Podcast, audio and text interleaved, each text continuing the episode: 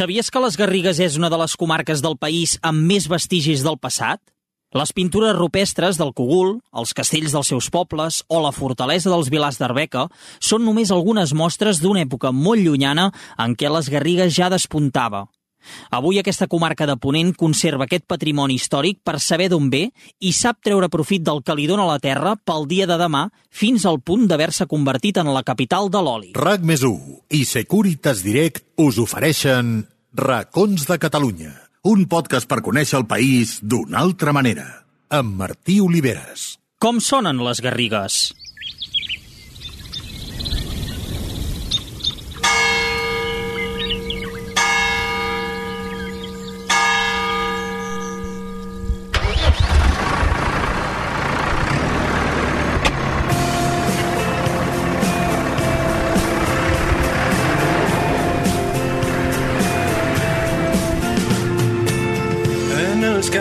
Que tallen roig, la posta de sol, dos veus xiu-xiuejaven baix, sota un roure fort i la verdor del sotabosc, teixia un record les Garrigues és una comarca de la província de Lleida que es troba situada al sud de Ponent i en contacte amb les Terres de l'Ebre i el Camp de Tarragona. Però més enllà dels límits geogràfics, és la mateixa terra de les Garrigues la que marca les diferències. El clima, dels més secs de Catalunya, dota la comarca d'un paisatge de secà, amb ametllers, oliveres i algunes vinyes. L'olivera és el conreu més estès a les Garrigues, la varietat d'olivera típica és l'arbequina i la seva oliva, petita, rodona i tibant, produeix un oli sense gran acidesa i que és considerat el millor pels entesos. I l'espessor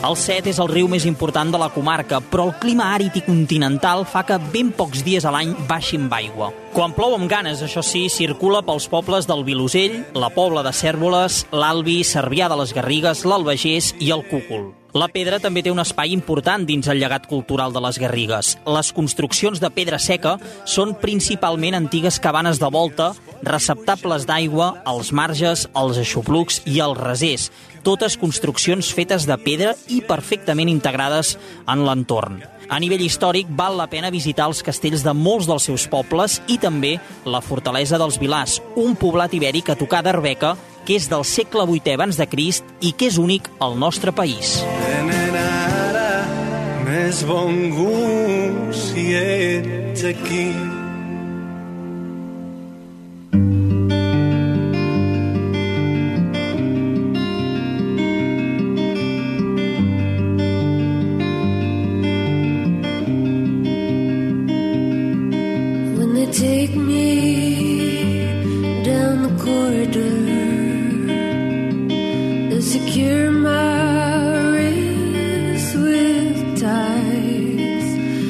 sóc a la fortalesa dels Vilars, que és un poblat ibèric d'Arbeca, d'aquest municipi del nord de les Garrigues, ja al límit amb l'Urgell i el Pla d'Urgell.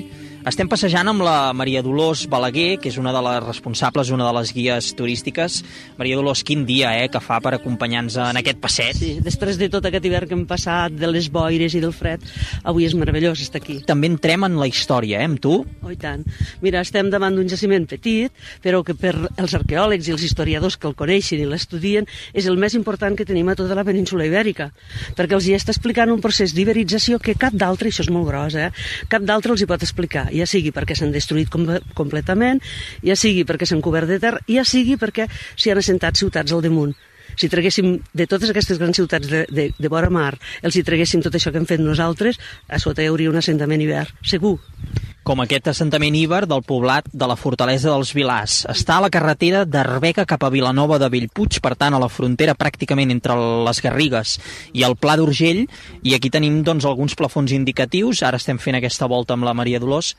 Què podem visitar? Quin és el recorregut ideal per descobrir? És el que jo et faré ara, vull dir que segur que no el podràs veure, no, però no el veurà, la gent no el veurà, però, però és, és donar tot el tom, conèixer tots els sistemes defensius que tenia. Pensa que aquest jaciment, que és molt petit, les tres quartes parts del jaciment són sistemes defensius. I de, de qui es defensaven? Aquesta és la gran pregunta, no? Perquè en aquella època exèrcits no n'hi ha, són grups petits, tribus, i, i aquí per vindre a atacar, ja ho veus, és petit, però la gent quan arriba, que ve molta gent a veure'l, em fan, doncs pues no és tan petit, és molt gran. No és molt gran, el que passa és que està excavat gairebé tot i es pot veure perfectament. Coneixes com vivien la gent en aquell moment. Durant 400 anys hi van viure, eh? Durant 400 anys i de quina època estem parlant exactament? Estem parlant el moment de l'assentament que ells calculen és a finals del segle VIII abans de Crist, principis del VII. Són aquests 25-30 anys que sempre donen de marxa en les excavacions, perquè no hi ha rescrit que digui va ser aquest dia que vam començar, no? Però, bueno, és segle VIII i s'acaba a finals del quart, principis del tercer. Durant 400 anys hi viuen. Amb uns processos i uns canvis que estan explicats tots a dintre per les construccions, les estructures que es van trobant, poques coses trobem de material físic per fer un gran, una gran exposició, però eh, només l'estructura ja t'explica que ja coneixien d'altres civilitzacions, però que les deixaven fer. Vosaltres a la costa, nosaltres aquí dins a l'interior. És molt atípic que hi hagi un jaciment tan important aquí dintre. És com un gran castell amb 12 torres, amb unes muralles que arriben a tindre fins a 7 metres en, en alguns llocs, uns fossats grandíssims, ara el que queda és el més gran de tots ja, perquè amb els anys s'han anat omplint, s'han anat colmatant de, de terres, de les avingudes d'aigua, que tenim unes rubinades també molt interessants, i bueno, que tot això ens està explicant que aquesta gent no era tan, tan rudimentària com us han fet creure durant molts de segles.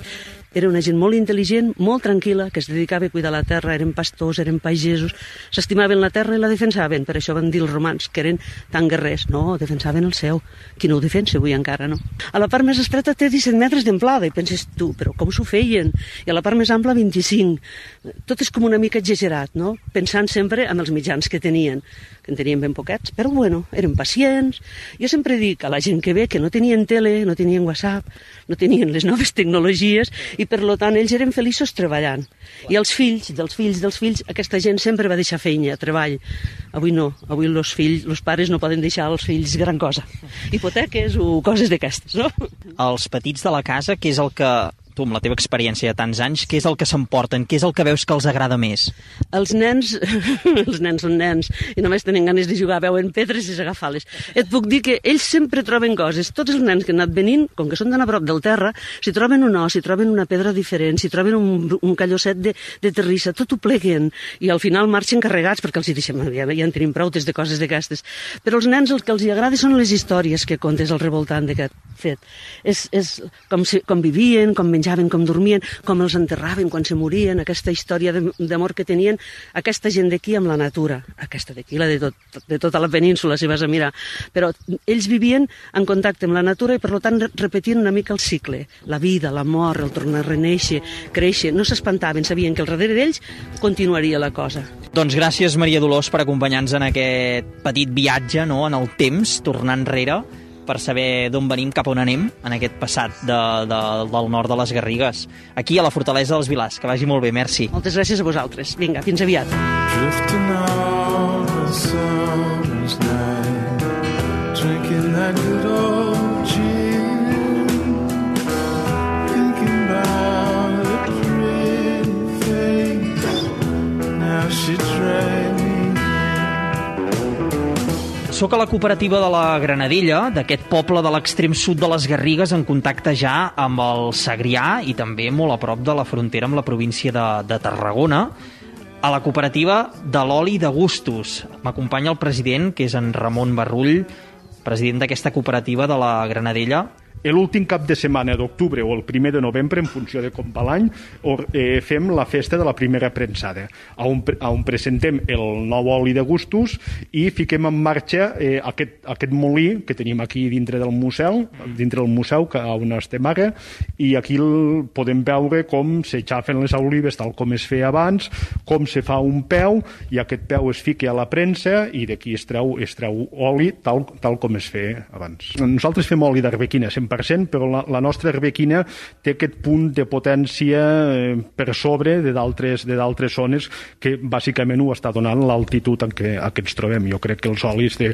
de, les, po de les poblacions de, de la Granadella, Bellaguarda, pues són, són, són olis eh, amb, amb una qualitat eh, més que important i a més reconeguda per eh, molts premis. I ara hem baixat a la botiga d'aquí de la cooperativa de la Granadella. Imagineu-vos la importància d'aquest producte, de l'oli, en aquest poble, en aquesta terra, perquè, Ramon, a la botiga oferiu molt més enllà de l'oli, eh? I tant, sí, sí. Aquí a la botiga aquí pots veure tots els nostres productes, pots veure l'oli convencional, també l'oli ecològic, i a més a més nosaltres amb l'oli li intentem donar tots els matisos que es pot treure d'un producte tan apreciat. Aquí tens els patès, els patès d'oliva ecològics, amb oliva arbequina negra, oliva arbequina verda. Aquí, si, si, si mires, aquí ten, tens el xocolata d'oli d'oliva, de gustos, i també tens uns, uns bombons molt originals, un és un bombó de dolç d'olivada i l'altre és un, un bombó de mel i oli. Crec que el que fem és explotar al màxim el que és un producte tan preuat com l'oli. Preuat i de proximitat en els temps que corren, que és molt important amb aquesta crisi climàtica, no? consumir de proximitat, que millor, tenim un paisatge, tenim un entorn fantàstic a Catalunya i aquí a les Garrigues doncs, aprofiteu el que us dona la terra, eh, aquest oli. I tant, i tant. És com, aquí jo crec que el consumidor català ens tindríem que conscienciar moltíssim en consumir eh, els olis de Catalunya, olis de quilòmetre zero, que d'alguna manera, a part de que estem apoyant el nostre territori, pues, també estem apoyant el planeta i, i no creant residus innecessaris. I've been waiting here for days Trying to catch a break the way I'm living, it's gonna cause my heart to ache. Cause all the money I had is gone. Mireu, ara he entrat al celler de criança de Tomàs Cosiner, és una empresa vitivinícola de la comarca de les Garrigues, del Vilosell, que és un poble que tot i formar part de les Garrigues us podeu imaginar aquest paisatge de secà, d'oliveres, de les Garrigues més tocant a la plana de Lleida, no és així, és un poble de muntanya i ens acompanya la, la Gemma Plaza, que és una de les persones encarregades d'aquest grup de Tomàs Cosiner del Vilosell. Gemma, què tal? Gràcies per acompanyar-nos. Gràcies a vosaltres. La gent potser pensa sempre en vins propers a les Garrigues, el vi del Priorat, el vi de la Conca de Barberà, eh, Costers del Segre potser sona més, no? I en canvi el vi de les Garrigues és força més desconegut. Què té de diferent respecte a la resta? Les Garrigues és una subzona que pertany a la denominació d'origen Costers del Segre, que té set, set subzones diferents, és una denominació molt àmplia. I les Garrigues és una d'elles. Aleshores, nosaltres concretament estem situats en una zona de les Garrigues amb molta alçada, d'aquí la nostra viticultura de muntanya, Tenim vinyes d'entre 600 i 750 metres d'alçada. I això el que fa és donar molta facilitat al raïm per madurar, són unes condicions molt òptimes perquè l'interval de temperatures entre dia i nit és més elevat. I aquest canvi brusc de temperatura entre el dia i la nit ajuda a, a una maduració més favorable del raïm. A part, el paisatge que ens envolta és muntanyós, amb boscos, abrupte, hi ha oliveres, ametllers, vinyes entremig dels boscos, moltes plantes aromàtiques, la, la garriga mediterrània, no? i això dona un caràcter molt, molt particular als vins que fem en aquesta zona. I si tastem un vi del Vilosé i un vi de la Pobla de Cèrvoles, el caràcter és molt diferent, tot i estant a 5 quilòmetres de distància. El Vilosé són uns vins més amables, en canvi la Pobla de Cèrvoles són uns vins amb un caràcter molt més marcat, més, amb més força. No? Tu estàs notant alguns efectes a nivell de l'escalfament global? Bé, aquí el que el més preocupant en aquesta zona de secà és l'aigua. És doncs, que estem veient que els últims anys les pluges no són tan abundants o tenim pluges intenses de cop i després molts anys, molt, molt temps perdó, de, de sequera i això sí que ens dona una irregularitat no? amb, amb, la vinya, amb, amb el curs any rere any de la vinya, amb la seva estabilitat, amb el seu creixement i després el, el, a l'hora de la maduresa del raïm, a la, a la primavera, no? a l'estiu, quan ja comencem amb el procés de maduració, aquests canvis bruscos de, de clima doncs, també no ens ajuden gaire. Notem que els vins poder tenen un augment de pH, unes acideses potser no tan altes, i, però bueno, és algo lent, gradual, no? que poder, podem intuir, però realment el més important ara és, és l'aigua.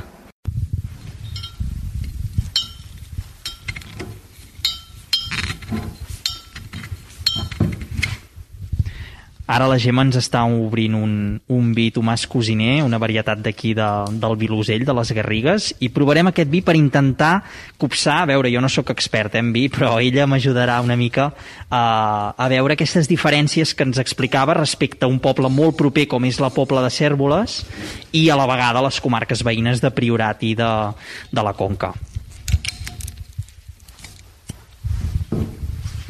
Um, tastem el, el vilosell, un vi que porta el nom del poble on estem, que és un copatge amb ull de llebre, cirà i vermatge enrere.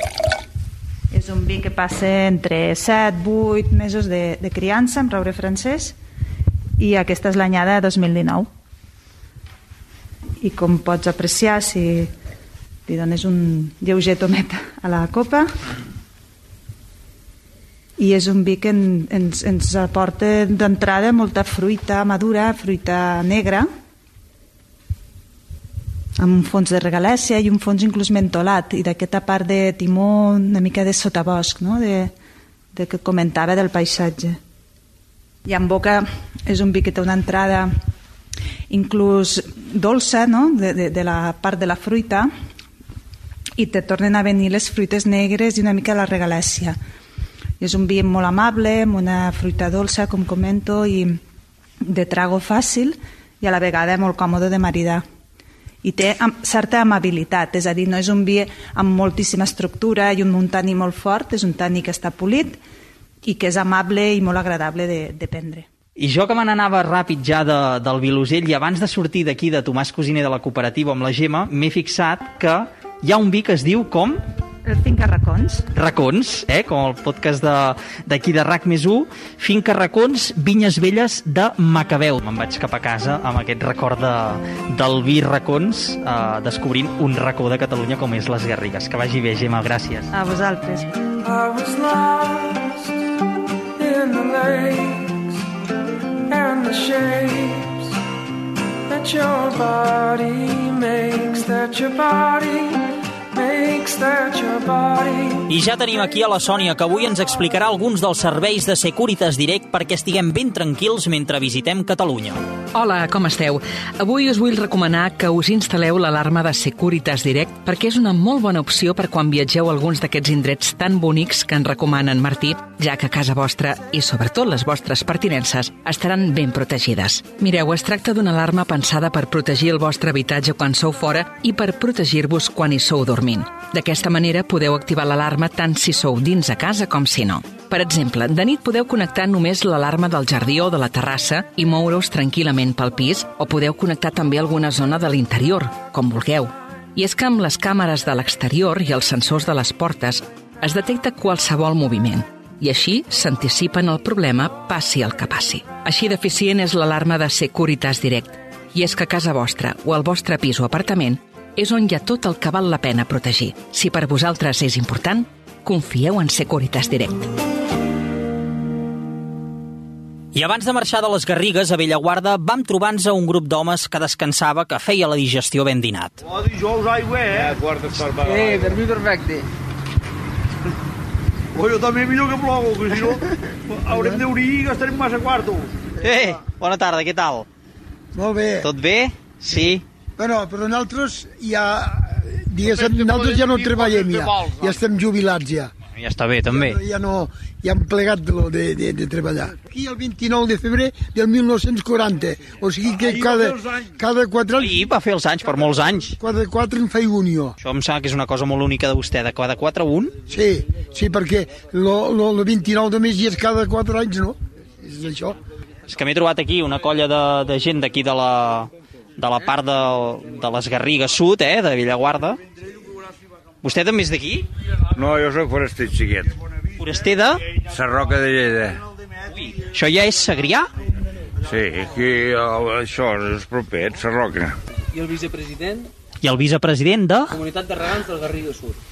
Garriga Sud, o sigui, una cosa és les Garrigues i una altra les Garrigues Sud. Per vosaltres és una altra... Les Garrigues igual. Una part de les Garrigues que rega del Segarra Garrigues i l'altra part se rega del Garriga Sud. Què feu aquí?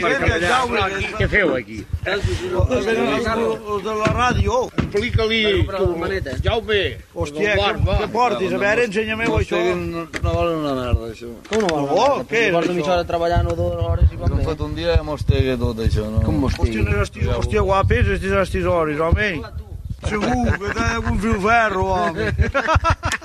I ara vosaltres esteu com el cas de la Granadella, no? Entenc? Ara està parat encara, cap allà a l'abril, maig florirà, després cap allà al juny qualla l'oliva, bueno, i l'arbre pues, va creixent, renova rama per l'any següent, i llavors l'oliva va, va madurant i a l'1 de novembre o així solem començar a collir. I acaba a desembre, més o menys. De, sí, no, desembre, gener, depèn de la collita que hagi. I ara, després de- d'aquest hivern sec, com, com avança l'inici del nou cicle? Com ho, com ho veus? Bueno, ja estem acostumats, aquí sempre fa... Sigui, no, de, si l'any és molt sec, tampoc no, no influeix el resultat, més o menys acaba sent... Sí que influeix, però com que tenim el rec, ara avui han començat a obrir el rec ja. Ara doncs ja obrirem l'aigua i, i l'arbre aquí encara no pateix, és, està parat l'oliver. Fins allà el mes que veu així no, no comença a bellugar. Bueno, aquí estem en una zona alta de 600-700 metres, clar, van més atrasat que com ara a Tarragona, pues, igual porta un mes, doncs porta un mes de ventatge aquí. Però bueno, això també fa que tinguem un oli de més qualitat. Aquí l'oli se conserva més i té més aroma i és millor. Escolteu, també em fa molta gràcia perquè més enllà de l'oli, aquí ara em dèieu la tòfona. La tòfona és molt típica de zones de la Catalunya central com Berguedà, Osona, però m'ha sorprès perquè aquí Bellaguarda també es, es, es, es té molta presència de tòfona. Bueno, doncs aquí se va buscar cultius alternatius, ara que teníem l'aigua, i un dels quals va ser la tòfona. Se va provar fa 10 o 12 anys, deu fer que es van plantar les primeres. A un principi no regaven, no es cuidaven bé, es desconeixia una mica el tema de la tòfona.